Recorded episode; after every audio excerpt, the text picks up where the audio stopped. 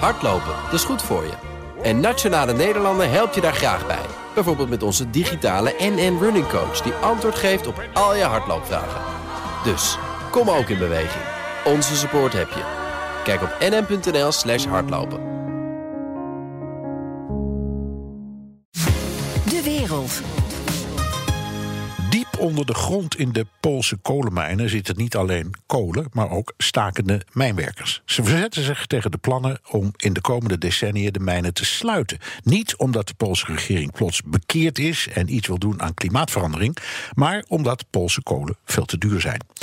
Europa-verslaggever Jesse Pinster, wat is de directe aanleiding voor die staking? Dat er een reorganisatie plaats moet gaan vinden van het uh, staatsenergiebedrijf. Dat willen ze eigenlijk gaan opsplitsen in een soort groene tak en een soort kolentak.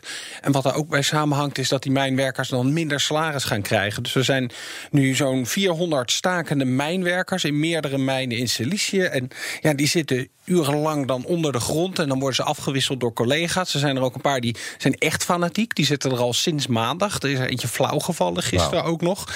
Dus uh, die zijn hardcampagne uh, daar aan het voeren. En ondertussen in Warschau zijn er marathononderhandelingen tussen de vakbonden, de machtige vakbonden, mag ik wel zeggen, en de regering. En die vakbonden zijn extra geïrriteerd omdat in de laatste klimaatplannen van de regering toch allemaal plannen staan waardoor die mijnen toch wat sneller dicht zullen gaan dan ze eigenlijk verwacht hadden. De vakbonden zeggen ja, als we zo doorgaan, dan zijn ze in 2036 allemaal dicht. Ja, even, even een tussenvraagje. Vinden die vakbonden werkgelegenheid belangrijker dan klimaat? Om het mij heel simpel te houden. Ja. Ja, oké. Okay. Um, wat de regering betreft, die wil juist uh, heel graag vasthouden aan energie uit kolen. Ja, dat was toch altijd wel een beetje het beeld. Misschien moeten we eventjes wat cijfers langslopen. Want Polen produceert meer energie uit kolen dan alle Europese landen.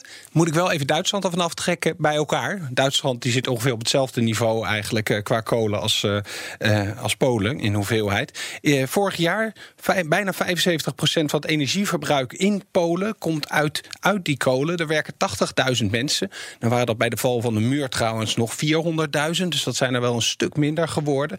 Nou, en toen kwam de coronacrisis. Dus 5% minder energieverbruik in Polen. Maar als je gaat kijken naar het kolenverbruik, het energie wat daaruit gaat, 12% minder heeft de energiedenktank Ember berekend.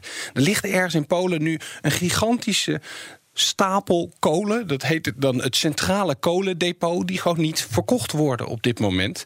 Maar die crisis is eigenlijk gaat die al, was er al voor het virus. Want ze moeten steeds dieper graven om kolen te vinden. Het wordt gewoon steeds duurder om ze uit de ja. grond te halen. Ik kwam een rapport van de rekenkamer tegen in Polen... van dat nee, de productiviteit die gaat omlaag... maar de salarissen die gaan nog steeds omhoog.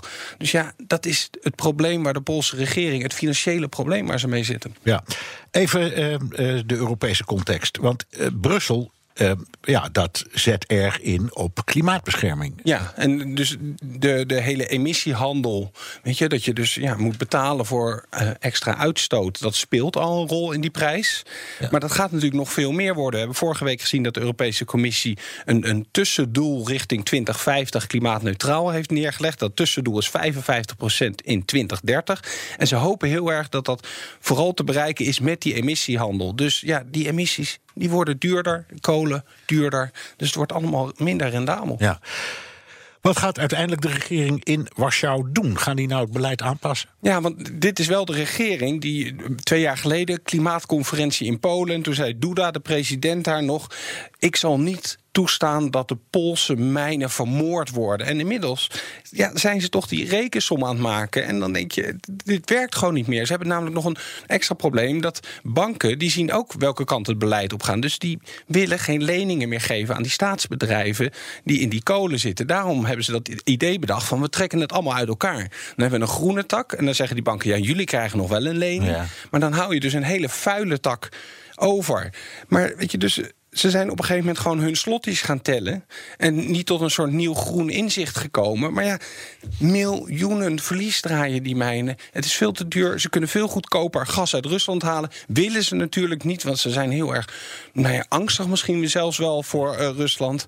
Maar ja, uiteindelijk ja. is het toch een financiële afweging. Het, het, blijft mij fascineren dat de vakbond in dit geval zegt... we kiezen, verkiezen werkgelegenheid boven vergroening. Dat vind ik echt heel opmerkelijk. Ja, de, de, de mijnwerkers in Polen, dat zijn een beetje de vissers in Urk. Daar zitten heel veel emotie zit Ja. er ook in. En sentiment en, sociale mogen- Je hebt overwegingen. helemaal gelijk, tuurlijk. Maar, Ja. de, maar in Warschau kijkt de regering naar de centen. Oké, dankjewel. Europa-verslaggever Jesse Pinster. Wil je meer horen over het spel in Brussel? Luister dan naar de podcast Europa Mania van BNR en het FD.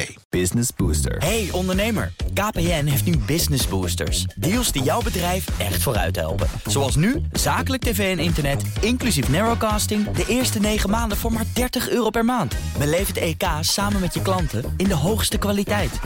Kijk op kpn.com businessbooster. Business Booster.